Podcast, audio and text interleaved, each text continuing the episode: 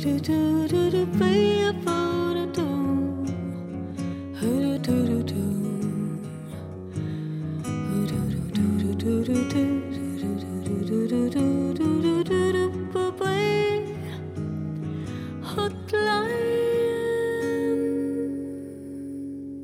Velkommen til Norsk redaktørforenings podkast Hotline, der vi tar opp ulike redaktørfaglige problemstillinger. Eh, gjerne sammenfallende med de som vi mottar på den eh, ordentlige eh, gåseøyne hotline vår, hvor, som er en tjeneste for medlemmene våre, åpen 24-7-365. I dag skal vi snakke om hvordan medier omtaler selvmord og selvmordsforsøk. Og vi skal snakke om hvor grensene for åpenhet rundt selvmord eh, hvor de går, og eh, hvordan de har flyttet seg i, eh, i, forhold til det å omtale dem i mediene. I tråd med at det har blitt stadig større åpenhet i samfunnet for øvrig. Og Vi skal også snakke om at frykten, om frykten for at selvmord og omtale av selvmord kan bidra til å utløse flere selvmord. Og Vi skal innom hvordan selvmord som samfunnsproblem kanskje er underdekket av mediene. Jeg heter Arne Jensen og har som vanlig med meg min kollega Reidun Kjelling Nybø. Vi jobber begge i Norsk redaktørforening, og en av våre viktigste oppgaver er å gi råd til norske redaktører, bl.a. i presseetisk vanskelige saker. Selvmordsomtale er jo et område hvor mange redaktører og journalister står oppe i vanskelige dilemmaer og spørsmål som de syns det er vanskelig å, forholde seg til. Så må jeg da eh, få understreke at jeg sitter sammen med eh, Reidun Kjelling Nybø, som er en av eh, Norges fremste eh, når det gjelder eh, medienes omtale av selvmord. Eh, hun er hyppig benyttet av både organisasjoner og offentlige myndigheter eh, i ulike sammenhenger når det kommer til disse spørsmålene. Hun har skrevet bok om temaet for noen år siden, 'Fra tabu til tema', og er også medforfatter på en rykende fersk bok fra Cappelen Dam, 'Nye perspektiver på selvmord'. Så da har jeg i hvert fall introdusert deg, Reidun, eh, skikkelig, selv om du kanskje ikke selv eh, helst ville hatt eh, så veldig mye snakk om dette. Vær så god. Ja, jeg kan i hvert fall si at det er ikke jeg som har skrevet manuset til Arne her på, på, slutten. Det er bare for å forsikre meg at ingen tror det. Ja, fordi selv om vi har fått stadig større åpenhet rundt selvmord de siste årene, så er det fortsatt et større problem, mener jeg, at norske medier er for forsiktige med å omtale det, enn at det skjer store overtramp i omtalen av selvmord. I Vær varsom-plakaten har vi et eget punkt som regulerer selvmordssamtaler. og det har vi hatt alltid, helt siden den første Vær varsom-plakaten kom. Eh, og det eh, det er 4.9, punkt 4.9, eh, som har stått sånn som dette siden 2006. Eh, og jeg kan jo referere det her, for uh, i fall det er noen som hører på som ikke kjenner det. Eh, vær varsom ved omtale av selvmord og selvmordsforsøk. Unngå omtale som ikke er nødvendig for å oppfylle allmenne informasjonsbehov. Og unngå beskrivelse av metode eller andre forhold som kan bidra til å utløse flere selvmordshandlinger. Sånn står det i Vær varsom-plakaten. Eh, og For et drøyt år siden så laga vi i NR en egen veileder om omtale av selvmord, for å bistå redaktører og journalister som ønsker råd om hvordan selvmord bør omtales. Eh, og Vi skal komme tilbake til noen av de rådene litt senere i denne podkasten. Vi har med oss tre eh, medlemmer i dagens sending.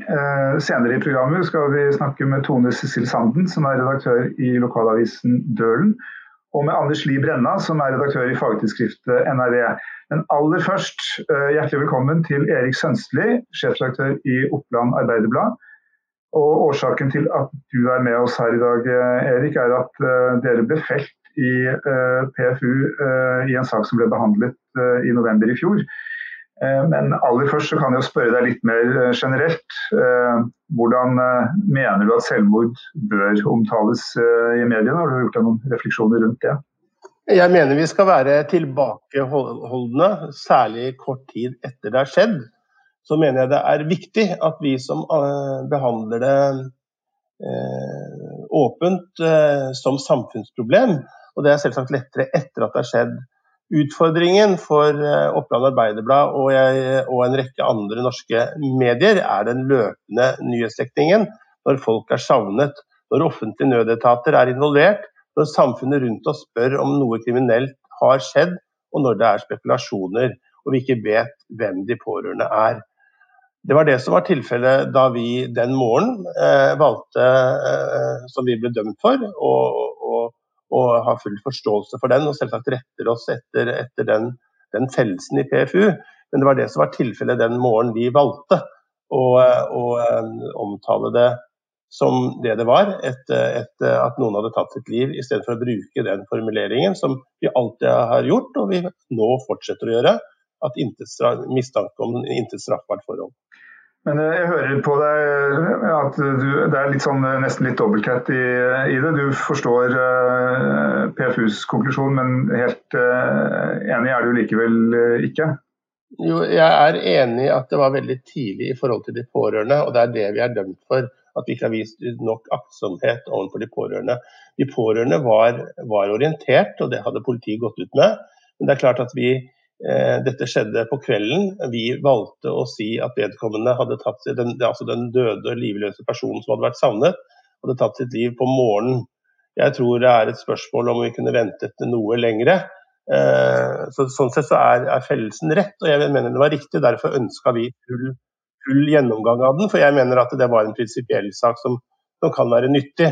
Selv om noen mener at det var jo liksom åpenbart at vi skulle skrevet det som vi hadde gjort før. Men jeg mener, jeg mener det at det er det ikke. Jeg mener det er et interessant spørsmål om å få, å få belyst og, og, vurdert, fordi, eh, eh, fordi samfunnet er i endring. Vi vet hva forskere har sagt, vi vet hva pårørende sier. Vi skal senere i programmet eh, forstår jeg, møte en, eh, noen som har hatt nær kontakt med selvmord selv, som har ment at det er krevende, slik som offentligheten omtaler selvmord og etterlyser større åpenhet. Så, vi, så jeg mener at vi må unngå omskrivninger. Jeg mener at vi må unngå øh, øh, å på en måte ytterligere øh, tabufisere eller, eller, være med på å, å, skape selvmord til noe helt annet. Det er et, altså et samfunnsproblem større enn trafikkdøden i Norge. I, eh, I, kjølvannet av eh, behandlingen i PFU så var jo vi, blandet jo også vi i sekretariatet i Redaktørforeningen oss inn i den debatten. Reidun, kan du si, fortelle litt om det, om hvorfor vi, vi valgte å skrive en kronikk om, om dette? Eh, ja, eh, siden Oppland Arbeiderblad eh, i tilsvaret i, i, denne saken viste til veilederen vår og et ønske om større åpenhet, så mente vi at det var naturlig å si noe om det. Så da skrev vi en kronikk eh, etter den fellelsen i, i november. Eh, for selv om det ikke var sånn at PFU felte Oppland Arbeiderblad på punkt 4.9, de felte OA på 4.6, som handler om hensynet til de etterlatte, så mener vi at fellelsen kan få konsekvenser for hvordan mediene fremover omtaler selvmord. Eh, og vi mente jo at utvalget var ganske streng eh, overfor OA. Eh, for de ga klare signaler om at hensynet til de etterlatte veier svært tungt, og at kombinasjonen av en kort tid etter dødsfallet og etterlatte som ikke ønska at dette dødsfallet skulle omtales som selvmord så fort, var viktigere enn hensynet til å gi informasjon ut til publikum. Eh, og det var viktig å understreke at vi må ikke komme i en situasjon der det er de pårørende og de etterlatte som skal ta den belastninga med å avgjøre hva som er riktig tidspunkt å publisere informasjon om dødsårsaken. De skal ikke være redaktør. Det er Erik Sønsteli som er redaktør i Oppland Arbeiderblad, eh, og bare være tydelig på det. Ja, ja jeg, jeg, mener at det var det som var kanskje i, i, i den debatten hos PFU, og det er viktig at den er åpen og fri. og Sånn jeg, jeg mener at eh, Faren med det som oppstår, er, eh, er at vi ikke eh, Jeg mener vi har en forpliktelse da, overfor lokalsamfunnet. Et, et, typisk eksempel, enten det er i Gjøvik eller en annen norsk småby, er et helikopter henger i luften. Det er leteaksjoner. Eh, vi, det, kanskje er det en brann, en dramatisk brann, hvor man mener at noen er avgått til døden. Eh, eh, og så plutselig så slutter vi å skrive om det. Fordi vi har fått varsel om at det var et selvmord. Jeg mener at, at vi på mange måter kan stille oss spørsmål om vi gjør jobben vår overfor offentligheten da, og vi lar andre hensyn eh, eh veie, veie, tyngre. Eh, eh, og så lurer jeg på hva, hva, det, hva som skjer. Noen branner skriver vi, med tragisk utfall skriver vi stort og dramatisk om, og så gjør vi det plutselig ikke på andre. Eh, det skapes en slags sone av en slags sånn kodethet som gjør selvmord eh, spesielt. Og La meg vise til Jan Werner, en fantastisk artist som, som gikk bort. Han ble funnet død, og, og, det ble formulert med de ordene som vi alle bruker. Og jeg, Det tok meg veldig lang tid før jeg oppfatta i etterkant at, de, at, familien hadde gått ut og måtte understreke at det ikke var et selvmord. Jeg leste det som et selvmord og levde i mange år i den, den forståelsen at det var det. Kan jeg spille ballen tilbake igjen til deg, Redun? Nå snakker jo Erik om løpende nyhetsformidling. Eh, og, det er jo eh, ofte det krevende. Hvordan skal man gjøre det når det som Erik sier, henger et helikopter i lufta, eller trafikken er stanset over en bro fordi det har skjedd noe der, eller det er i ferd med å skje noe der. Hvordan gjør man det? Ja, jeg mener jo at det må være mulig i saker der offentligheten er involvert i stor grad å kunne fortelle om hva som har skjedd. Altså, helt grunnleggende, som Erik er inne på, hva er mediene sin oppgave? Jo, vi skal fortelle om hva som skjer i samfunnet. Det er veldig enkelt fortalt hva som er oppgaven vår. Eh, og når det gjelder selvmord, så har vi i mange år gjort det motsatte. Vi har latt være å fortelle. Folk har gått inn på lokalaviser når det har skjedd noe, og det har vært dørgende stille. Eller som Erik er inne på, det er en leteaksjon, og så blir det tyst. Um, eller at man driver og leter etter liksom, hva er dødsårsaken i en sak. Fordi vi har drevet og, og brukt koder. Ikke mistanke om noe kriminelt. Funnet død. Eh, dødsfallet er en personlig tragedie. Jeg mener at vi i større grad må kunne si det nøkternt og varsomt, men likevel eh, informere, informere, om hva som har skjedd. For da kan eh, mediene bidra til å, å, hindre alle disse ryktene som ofte oppstår. Men så ser jeg jo det at eh, mens en leteaksjon pågår, mens det er en aksjon f.eks. på ei bru, eh, så kan det være vanskelig å, å, å, si det og slå fast hva som skjer. Man, mange ganger så vil man heller ikke få det bekrefta ut av politiet og redningsetatene hva som foregår. Sånn at det er det må være en, en, avveining og en diskusjon i redaksjonene omkring dette. Men mitt poeng er jo at redaksjonene bør Dette er jo en løpende nyhetsdekning, og det er mye vanskeligere å, å forholde seg til det enn selvmordsomtale når man har planlagt det store rigg om selvmord, som veldig mange redaksjoner har. Her må man ha en diskusjon, sånn at man er forberedt når det skjer.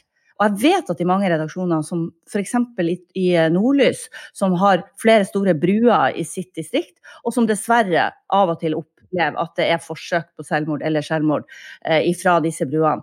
Så, så, hvis man har en diskusjon om det og forbereder seg på det, så er det mye enklere å forholde seg til det når, når det skjer. Eh, jeg tenker at I den løpende nyhetsdekningen så er ofte problemet altså at det, eh, det, det, skjer en aksjon, eh, vi dekker det. Så kommer det for en dag at det er et selvmord. Vi, altså, vi kan ikke stoppe å fortelle hva det var. Også til den debatten i PFU, eh, som jeg syns landet riktig for så vidt, men det ble skapt litt sånn tvil om det underveis. Så, var, så, er det sånn at Vi vet jo ikke navnet på de pårørende, vi kan ikke snakke med de på forhånd.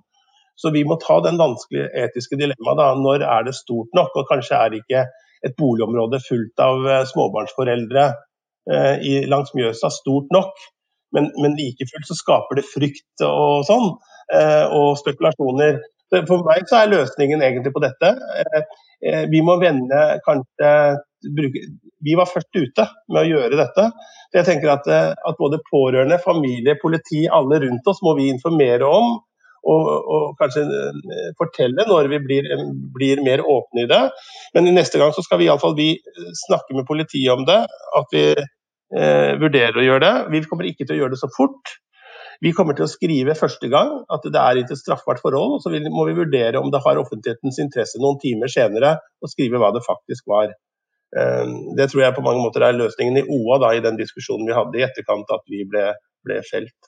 Men det er jo veldig bra at dere har hatt den diskusjonen, eh, Erik. Uansett om, om, dere er enige eller uenige i PFU sin behandling, så har jo denne saken ført til at dere har blitt mer bevisst på selvmordsomtale og har noen tanker rundt det fremover. Og det vi ser er jo at vi har fått en større åpenhet rundt dette temaet. Og vi har også eh, eh, sett at PFU tillater mer metodebeskrivelse eh, enn det som har vært gjort eh, tidligere.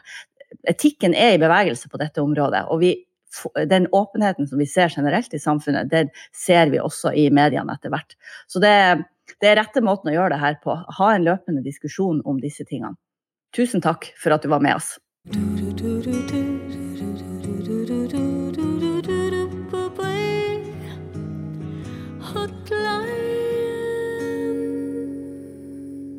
Da har vi fått med oss Tone Sissel Sanden, som er ansvarlig redaktør i Dølen, ei lokalavis som kommer ut på Vinstra og dekker flere kommuner i Gudbrandsdalen. Vi snakker fortsatt om mediene sin omtale av selvmord, og vi har invitert deg hit, Tone, for at du skal fortelle om en bestemt sak som dere publiserte i fjor. For det du opplevde er på mange måter det redaktører frykter mest når de publiserer saker om selvmord. Eh, ja, det skjedde jo en eh, fryktelig hendelse. Det var jo knappe to uker etter at vi eh, publiserte en sak som omhandla et selvmord. Og det var jo en hendelse som, som ingen kunne forutse, og som, og som, på en måte var en fortsettelse av den saken som, som hun skrev, som, hun absolutt ikke ønskte å få. Dette var jo da en sak om uh, ei ung dame som heter Anette, som mista veslesøster si på 31 år i selvmord. Uh, og denne saken publiserte oss i midten på desember, og to uker etterpå så var det jo da et uh, familiemedlem som tok livet sitt. Og det er klart at da gjør du det jo den refleksjoner, da. Ja, hva du, hva du tenkte da du fikk høre om dette selvmordet? Nei, altså det var jo helt ufattelig. Eh, da hadde jo akkurat da for to uker tidligere intervjua dattera til han som, som da valgte å ta livet sitt, om hennes eh, opplevelse av å miste da søster si. Eh, den andre dattera til han som, som, nå hadde tatt livet sitt. Så, så det var jo Det var utrolig sterkt og ja, et, et sjokk for å oppleve det. Mm. Så, så den, den, saken som, som, hun skrev, det, da skal altså to år tilbake i tid. Da, for da, da var det jo ei ung dame som tok livet sitt. Um, og hun, hun bodde, jo, bodde, jo, her da, i vårt uh, område. og i et lite lokalsamfunn der alle kjenner alle mer eller mindre, så vekker jo dette sterke følelser. Og veldig mange som, som kjente til familien og, og opplevde dette her på nært hold. Hun som tok livet sitt, heter Bente. Hun hadde flyttet eh, hjem igjen til Skåbu. Hun hadde blitt til mamma for, for, noen måneder siden og, og, og valgte å flytte hjem til mor og far sin. Eh, familien hennes visste jo da at hun hadde hatt noen utfordringer. Men eh, da hun tok livet sitt, så var det et sjokk. Og tilbake satt jo da foreldre og, og søster og bror med en stor sorg og mange ubesvarte spørsmål. Eh, familien valgte jo å være veldig åpne om det som hadde skjedd, og hadde, det sto jo da i dødsannonsen at hun hadde valgt å forlate dem. Eh, og familien var jo veldig åpne på sosiale medier og starta Spleis bl.a. til inntekt for etterlatte etter, eh, etter selvmord. Så de var veldig engasjerte i saken. Så det var vel omtrent et, et års tid etterpå så tok jeg jo kontakt med dem med tanke på å, å lage en sak, da skrive, skrive om dem. Um, men da de var, ja, det var positivt å stå fram i lokalavisa, fordi at de var opptatt av denne saken og, og, hadde engasjert seg. Men da følte de det var litt tidlig, da. Um, men så gikk det jo et år til, og da hadde jeg da kontakt med hun Anette på nytt. Eh, og ble enige om at, eh, at hun, ville, hun, hun, ville, stille opp. Og hadde lyst til å fortelle om sin opplevelse, sin historie. Og og det å sitte att eh, med alle de ubesvarte spørsmåla som, som, hun hadde. Så, så hun gikk inn i dette her med en veldig felles forståelse av hva, hva, som var viktig å få fram i saken. Og, og, eh, og hun hadde jo òg en klar oppfatning og, og, en klar mening om at dette var veldig viktig å, å formidle. Altså den sterke, store sorgen som hun satt med de spørsmåla som hun aldri fikk svar på. Um, ja, hvor vondt det er å være etterlatt etter at noen, noen velger å gå ut av livet på den måten. Mm. Og hvor, hvor, detaljert skildrer eh, du selve selvmordet i, i, den saken som du publiserte? Det var ingen detaljer rundt uh, altså hvordan selve selvmordet skjedde. Altså, her var søkelyset på på den opplevelsen det å være i nær familie til noen som, som, som tar et selvmord. Så, så, ingen detaljer ifra hva som skjedde. Altså her var det opplevelsen til å få telefon og, og, og reise hjem til foreldre, se alt det med, politi og ambulanse, det kaoset i barndomshjemmet ditt. Eh, og, og, de, og, og, tida etterpå, sjølsagt, da, med, med livet uta lillesøster. Mm. Så, så ingen, ingen, detaljer ifra, ifra um, selve selvmordet, nei. Uh, og Hvilke tanker gjorde du deg i etterkant da du helt sikkert gikk tilbake og leste den saken på nytt, i lys av når du visste da at et familiemedlem av, av, av denne, dette intervjuobjektet ditt hadde tatt sitt liv? Eh, ja, altså jeg må innrømme det at eh, når jeg da fikk den beskjeden om at, eh, at det var da far til Anette som hadde tatt livet sitt, så, så fikk jeg litt vondt i magen. Så da mm. gjør du det jo noen tanker. Så det var jo noe det første jeg gjorde, var jo å gå tilbake og, og lese saken min på nytt. Eh, for å liksom bare være helt sikker på at det ikke var noe i saken som, liksom, som jeg hadde skrevet som kanskje kunne oppleves uriktig eller spesielt tøft. Um, men jeg var jo veldig trygg på saken, og, og at, at, den var presentert på en veldig balansert og varsom måte. Mm. Um, og så tok jeg jo kontakt med hun Anette veldig tidlig, sjølsagt. Altså, da var det jo bare to uker siden hun hadde sittet og, og delt hennes store sorg. og så det var jo helt naturlig for meg å ta kontakt med henne og uttrykke min medfølelse. Og, og, det var jo på en måte godt for meg, for jeg skjønte jo at, at hun tenkte jo ikke sett, hadde jo sett jo ikke denne her saken eh, vår i forbindelse med, med, den nye tragedien som hadde ramma familien. Um, og hun, ja, det var sikkert veldig lett, en stor lettelse for deg, vil jeg tro.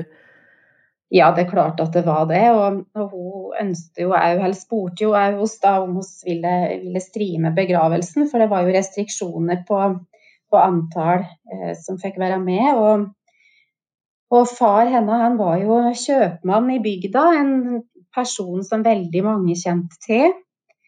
Eh, som hadde stor omgangskrets. Og, og bygda der han holdt til, er jo òg ei bygd med mye turisme og hyttefolk. Ehm, så med bakgrunn i det så sa, sa oss jo ja til å sende begravelsen hans. Så det var jo veldig spesielt. Ja, det vil jeg tro. Um, altså årsaken til at selvmordseksperter advarer mot den detaljert selvmordsomtale, er at man frykter at omtale i noen tilfeller skal bidra til å utløse flere selvmord.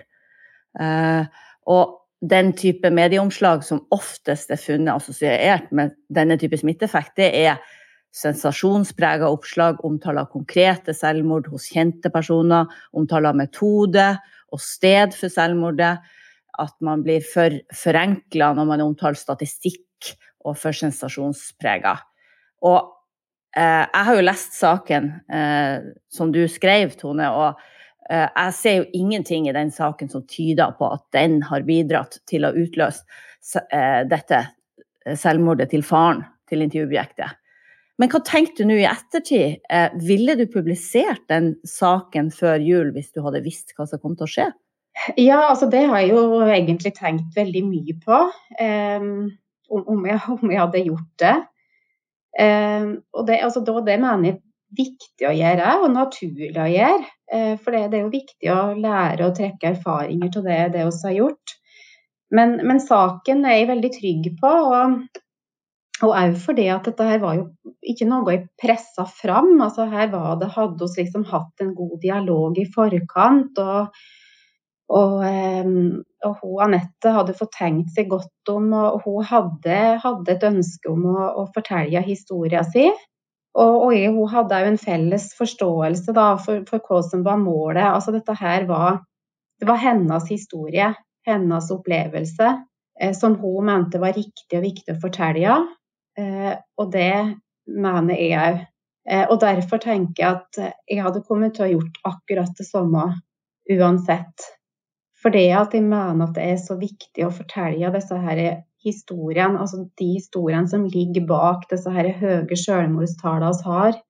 Og jeg tenker at, at det, det, det, var viktig for, for hun som etterlatt å sette ord på eh, den eh, annerledes sorgen og og liksom alle de spørsmåla som hun sitter med, som, som, du kanskje ikke har når det, når det skjer ei ulykke. Men dette her er jo så uforklarlig.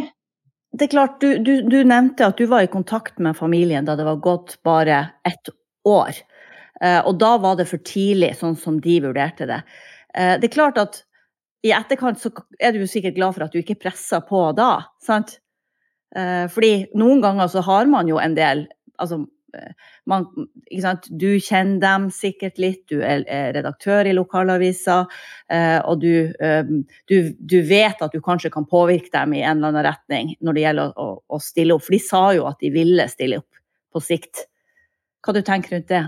Ja, det, det, på en måte så kan det være altså, lett, ikke sant. Du, du, vet jo at dette her vil være en sak som blir veldig mye lest. Eh, vil generere mange klikk og salg, ikke sant. Så på en måte så kan det kanskje være lett å begynne å presse litt på. Altså at denne historien har du, har du lyst på.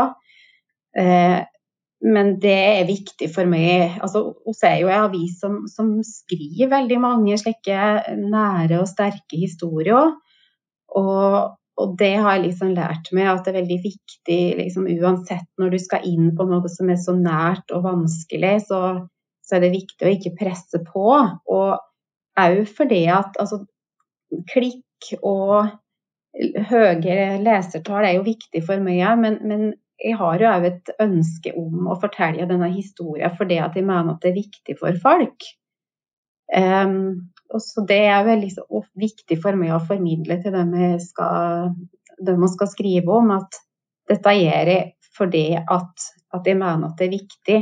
Og derfor så kan jeg òg vente til du er klar. Jeg vet at du har engasjert deg i temaet selvmord. Eh, hvorfor mener du at det er så viktig at mediene tar tak i dette samfunnsproblemet? Ja, altså det, dette har engasjert meg, det må jeg virkelig si. For det er jo et stort samfunnsproblem, dette her. Um, det er ikke så lenge siden hun skrev om en, en ung mann som, som, har hatt slitt med mye selvmordstanker. Og så har jo hatt en del saker der ungdom forteller om mye ensomhet og mye alenetid nå under koronapandemien. Um, så jeg har jo skrevet både en kommentar og en, og en leder som, om dette her, og der jeg jo kommer inn på det, de høye selvmordstallene som vi uh, har i landet vårt. Og uh, ja, jeg må si at jeg er bekymra for spesielt ungdommene våre, og for den utviklinga som vi ser. Uh, og så har en nullvisjon når det gjelder selvmord, og, det er også veldig langt unna å nå Eh, I 2019 så var det vel 650 som, som tok livet sitt. Så det er klart at eh, her har jo oss i pressa eh, ei viktig rolle i å bidra til åpenhet. Eh, det handler jo ikke bare om å presentere fakta og statistikker, men òg å tørre da, å fortelle de historiene som ligger bak. Og at å skrive om dette her vil jo bidra til et uh, større søkelys på, på, de utfordringene som er knytt til dette her. Og oss har faktisk et stort ansvar for det. For det er ingen andre enn oss som kan ta den jobben. Um, og det å dysse ned og ikke tørre å prate om det som er vanskelig, det har jo veldig sjelden ført til noe godt.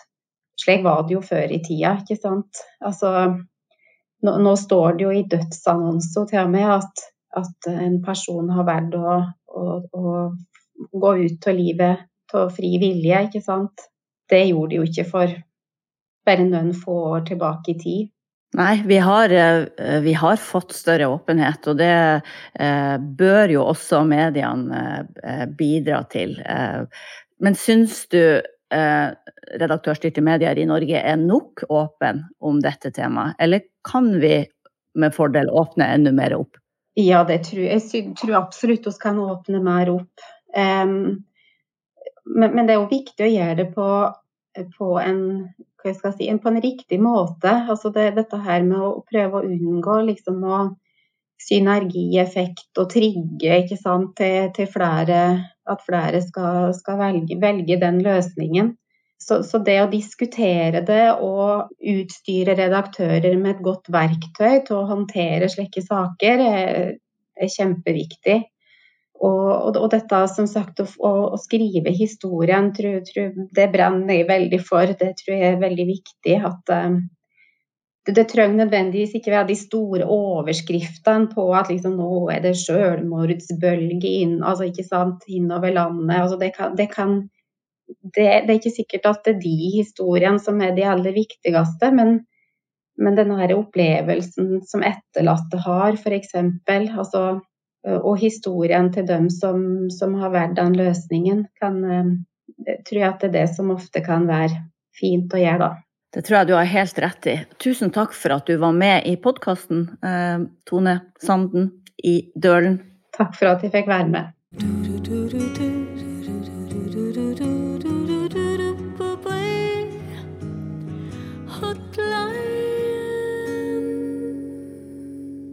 Da har vi fått en ny gjest i studio. Anders Li Brenna, som er redaktør i NRV, en nettavis som dekker den norske energibransjen.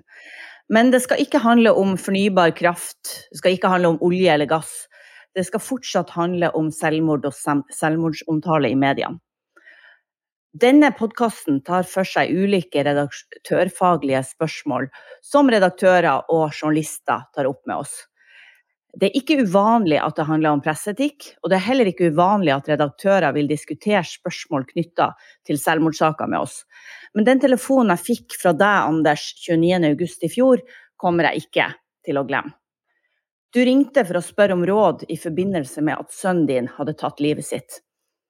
Og vi skal ikke gå nærmere inn på detaljene og omstendighetene her, men de erfaringene som du har gjort deg har bidratt til at du har engasjert deg sterkt i hvordan mediene omtaler selvmord. Og hvordan tror du at mediene kan bidra til at flere slipper å oppleve det du har opplevd? Ja, jeg tror at først og fremst kan mediene bidra med å skrive veldig mye mer om selvmord. For Grunnen til at jeg ringte deg, var at jeg satt der helt rådvill og skjønte og visste absolutt ingenting. Jeg trengte å ringe noen som hadde erfaring med, og så kunne jeg kunne spørre om ting og få det forklart å få noen råd fra folk som faktisk visste det. For, for meg så kom dette som en lyn fra klar himmel, som man kaller det.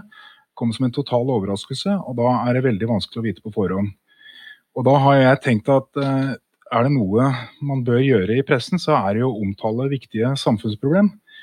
Og jeg får jo litt den følelsen at man skriver ikke nok om selvmord, fordi kunnskapen er ikke tilgjengelig der ute. Jeg har jo i ettertid av selvmordssønnen min lært veldig mye. Jeg sitter på kunnskap som jeg i og for seg ikke har lyst på, men som jeg nå har pga. erfaringene. Eh, og jeg har jo gått eh, Jeg finner en trøst i å gå litt systematisk til verks og lest selvmordsforskning. Jeg har fått hjelp av psykologer og selvmordsforskere til å sette meg inn i ting. Og jeg har prøvd å sette meg inn i mest mulig informasjon. Og det som jeg kjenner på, er at det er for lite informasjon om selvmord. Og jeg mener at pressen skriver for lite om selvmord, så jeg ønsker at det skal skrive mer. For jeg tror faktisk at det vil bidra til eh, å kunne senke selvmordstallene. Så, og det er jo yrket jeg har valgt som redaktør og journalist, er jo at jeg tror jo på at ved å omtale problemstillinger, store samfunnsproblem, så kan man faktisk få gjort noe med det. Så jeg ønsker da at pressen skal gjøre mer eh, for selvmordsproblematikken ved å skrive mer om det.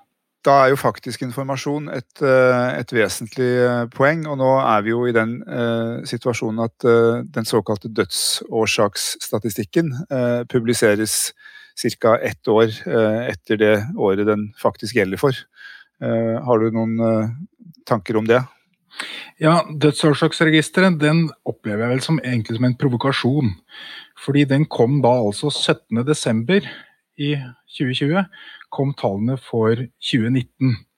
Og Det betyr at hele samfunnet er jo helt uvitende om hvordan det går med selvmordstallene. Går de opp, går de ned, er de lave, er de høye? Og Jeg har jo studert dødsårsaksregisteret ganske grundig. Og i min kommune Bærum, hvor, altså, hvor jeg bor, så var jo 2018 det året med tredd flest selvmord gjennom tidene. 2019 var det året med soleklart flest selvmord noensinne. Og dette var altså da før Ari Behn, som tok eh, livet sitt helt på slutten av 2019. Og så vet vi ingenting om tallene i 2020. Vi vet ingenting om januar, februar, mars, april, mai, juni, juli. Og så måneden hvor min sønn tar selvmord, august. Det betyr at jeg ikke kunne lese om at det er et høyt tall eller et lavt tall. Nå har det vært høye tall, så jeg har ikke visst noe om det. Så for meg som privatperson da, så har det ikke vært grunn til å liksom diskutere rundt middagsbordet hjemme er selvmord et stort problem. Men når jeg da studerer disse tallene, så ser jeg at jo, det er et stort problem. Og i min hjemkommune har det vært rekordår året før. Og i samfunnet ellers så er selvmordstallene nå på en topp. Det har riktignok vært uh, høyere tall akkurat under slutten av jappetiden, men vi er inne i en ny topp av selvmord. Og så leser jeg f.eks. at veldig mange som for øvrig sier mye fornuftig om selvmord, de går rundt og snakker om at det er et sted mellom 500 og 600 nordmenn som tar selvmord hvert år. Hvordan de kommer til det tallet, syns jeg er rart. For de siste fem årene så har det laveste tallet vært 595. Og det har vært oppe i 673. Og da er det ikke 500 til 600, da er det 600 til 700. Og disse tallene de er skyhøye hvis man sammenligner med koronakrisen. De er skyhøye hvis man sammenligner med antall uh, dødsfall i trafikken. Både i biltrafikken og i og for seg flytrafikk og alt annet. De er skyhøye sammenlignet med drap. Og det syns jeg er skremmende at et så stort folkehelseproblem som selvmord er, det skyves under teppet. Eh, det skrives for lite om det. Og det er jo ikke fordi man ønsker å være slemme eller gi blaffen, eller noe som helst, men det er rett og slett fordi at pressen trår for varsomt i å omtale selvmord. Man er så redd for å tråkke noen på tærne. Man er så redd for å skape problemer at man blir for forsiktige. Man tar hensyn til de etterlatte, sånn som meg, men konsekvensen av å være så hensynsfull er en bjørnetjeneste om at du faktisk ikke får gjort noe med det. For Hvis du ser på dødsårsaksregisteret, så har antall selvmord i trafikken vært uh, mye høyere enn for uh, Ikke selvmord i trafikken, antall dødsfall i trafikken vært mye høyere enn for selvmord, og det gikk ned. Og Det kan vi takke Nullvisjon for, som uh, denne uken feiret 20 år. At de hadde en nullvisjon i trafikken for å skulle virkelig få ned dødsfallet men som innenfor selvmord ikke kom på plass før i september i fjor. Mm. Så jeg synes at eh, Er det noe disse tallene viser, så er det at selvmord får ikke den oppmerksomheten den trenger. Eh, og jeg har kommet til den konklusjonen at tallene indikerer at det er trolig flere som eh, tar selvmord som følge av for liten omtale, enn det er som følge av eventuelt feil omtale. Det er veldig prisverdig at du engasjerer deg så sterkt i dette temaet, Anders. Um, har du eksempler på saker som du mener at mediene burde lage, og spørsmål journalistene burde stille? Eh, både ja og nei. På den ene siden jeg er veldig opptatt av at pressen skal skrive veldig mye mer om selvmord. for Jeg er helt overbevist om at eh, mer fokus hjelper. På den annen side er jeg veldig opptatt av at jeg skal ikke si hva de skal skrive eller hvem de skal skrive. Naturlig nok, det ville ikke jeg likt som redaktør. Men jeg vil jo si overordnet så er jeg veldig glad for at man setter fokus på hvor stort problemet faktisk er. Eh, for selv om man er litt redd for å sette fokus på feil ting, skrive feil og sånt, så er det noe med å rett og slett gå til myndighetene og si vi ønsker svar på hvor stort problemet er. Og vi ønsker svar på hva man gjør med det, og vi ønsker svar på hvordan utviklingen går med det.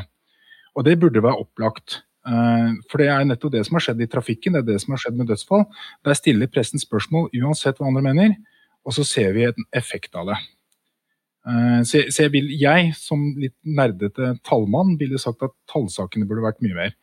Og så vil jeg bare si at Det er jo mange gode saker på det, så det er ikke det at det ikke gjøres. og Det, det er veldig mange gode saker på gang også, som jeg vet om. Eh, men det er en del temaer der man burde tatt opp. Ta f.eks. et tema som jeg skriver mye om i min jobb, eh, klimakrisen og klimautslippene. Der opererer vi med tall for å se om Norge klarer å oppnå målene vi har eh, forpliktet oss til i henhold til Parisavtalen. Og Forutsetningen for at vi kan skrive om det, er at vi vet hva er utslippene nå, hva var de i fjor, hva er det forventet å bli fremover. Eh, klimamålene er en av FNs bærekraftsmål. Det er nummer 13. Det har fått massivt fokus. Veldig få vet om eh, FNs bærekraftsmål nummer tre, hvor tre-fire har et mål for at man faktisk skal få ned antall selvmord. I henhold til den så skal antall selvmord reduseres med en tredjedel innen 2030. Det har ikke jeg lest noe sted. Det har jeg ikke lest i nullvisjonen eller i handlingsplanen til regjeringen. Jeg har ikke lest i en nyhetsartikkel. Jeg har funnet det fordi jeg har lest dette, både fordi jeg leser FNs bærekraftsmål i jobben, men fordi jeg har letet etter informasjon om det som etterlatte pårørende. Og Da er det for meg noe at her er det åpenbart at man skriver for lite om et problem. Man må undersøke litt mer, og man må gå og stille spørsmål. Hva er tallene? Eh, hvorfor får vi ikke tallene? Eh, hvordan er utviklingen? Går det opp? Går det ned? Hva er planen for at de faktisk skal gå kraftig ned. I forhold til uh, presseomtale så har vi jo, som vi har vært inne på tidligere i, i sendingen, et eget punkt i Vær varsom-plakaten uh, 4.9 som har vært endret litt underveis, men som har vært uforandret nå i, i mange år. Hvor, hvor, det manes til varsomhet, særlig i forhold til i forhold til metodebeskrivelser. Men du har ment at 4.9 bør endres på. Anders, hvorfor, hvorfor, det? Ja, jeg har tenkt at jeg skal jeg begynte å gjøre litt analyse av punkt 4.9 og hva som står der. Da jeg først leste det etter selvmordet, så leste jeg teksten og tenkte hm, dette er et fornuftig punkt, det er fornuftig det som står der. Så mitt førsteinntrykk nå, selv i ettertid, var at denne teksten er fornuftig. Men så begynte jeg etter hvert å se litt nærmere på det. og så ser jeg at Med historikken og med det jeg får høre, at selv om det er journalister som ønsker å skrive om selvmord, så møter de ofte en del motstand internt i redaksjoner. Så gikk jeg tilbake til teksten og begynte å analysere litt hva som egentlig står der. Eh, og da oppdaga jeg en ting at den har jo blitt endret fra liksom at eh, selvmord skal som hovedregel ikke omtales, eh, til at man har endret til noe mer konstruktivt. Så det er jo blitt en forbedring. Men det den går på, er måten den bruker 'vær varsom' i punktet 4.9, 'vær varsom' omtale selvmord, det brukes på en måte som hvis du ser på resten av Vær varsom-plakaten, tolkes mer som å være tilbakeholden eller ikke gjøre det. Jeg gikk gjennom og så så jeg at det er eh, fem setninger i de 42 punktene med Vær varsom-plakaten som starter med 'vær varsom'. Du har 'vær varsom' med bruk av begreper som kan virke stigmatiserende. Og det er en type setning som jeg tolker til å si at du skal ikke. Altså, det skal temmelig mye til før du skal gjøre noe. Vær varsom med bruk av navn og bilde og andre klare identifikasjonstegn på personer som omtales i forbindelse med klanderverdige eller straffbare forhold. Altså, det er et uttrykk som sier det her skulle du gjøre lite av. Og så kommer dette 'vær varsom med omtale av selvmord og selvmordsforsøk'. og da blir det sånn, da blir det sånn det tolkes som at du skal egentlig ikke gjøre det. Og i hvert fall med den historiske biten at det tidligere het det punktet at dette er noe vi ikke omtaler. Vi snakker ikke om selvmord. Og, og, Sånn er det også på, på, de neste punktene. at Måten ordene 'vær varsom' brukes på disse punktene i Vær varsom-plakaten, er i betydningen 'ikke gjør det', med mindre det er noe veldig spesielt. Ser vi på de to neste setningene, så starter de begge med 'unngå'. Unngå å omtale, uh, unngå omtale som ikke er nødvendig for å oppfylle allmenne informasjonsbehov. En fornuftig setning i seg selv, men hele tiden fokus på unngå, unngå, unngå. Unngå beskrivelse av metode eller andre forhold som kan utløse flere selvmordshandlinger. Hele Vær varsom-plakatens punkt 4.9 går på vær tilbakeholden og unngå. Det som faktisk er saken, er jo at selvmord er et folkehelseproblem, som jeg sier. Det er et problem som får lov til å være et stort problem fordi det ikke får nok oppmerksomhet. Og, og det skaper myter, det skaper manglende kunnskap, og at jeg som foreldre Eh, som selvsagt var bekymra for mange ting. Jeg hadde en tenåringssønn. Eh, men ikke koblet noen av de farene til selvmord. For det skrives ikke nok om det. Det snakkes ikke nok om hvor store tallene er. Det snakkes ikke nok om hva som burde gjøres og sånt.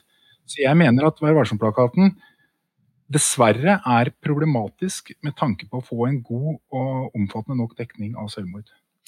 Dette er jo interessant, for da kan jeg snu meg til min gode kollega eh, Reidun, som eh, jo satt i det utvalget som for 15 eh, år siden formulerte disse setningene, eller i hvert fall var med på det arbeidet. Så har du, du, har jo selv tatt endring nå for at vi kanskje bør, bør se på den på nytt. Og, og var, hvordan ser, ser, dette ut fra ditt ståsted, Reidun?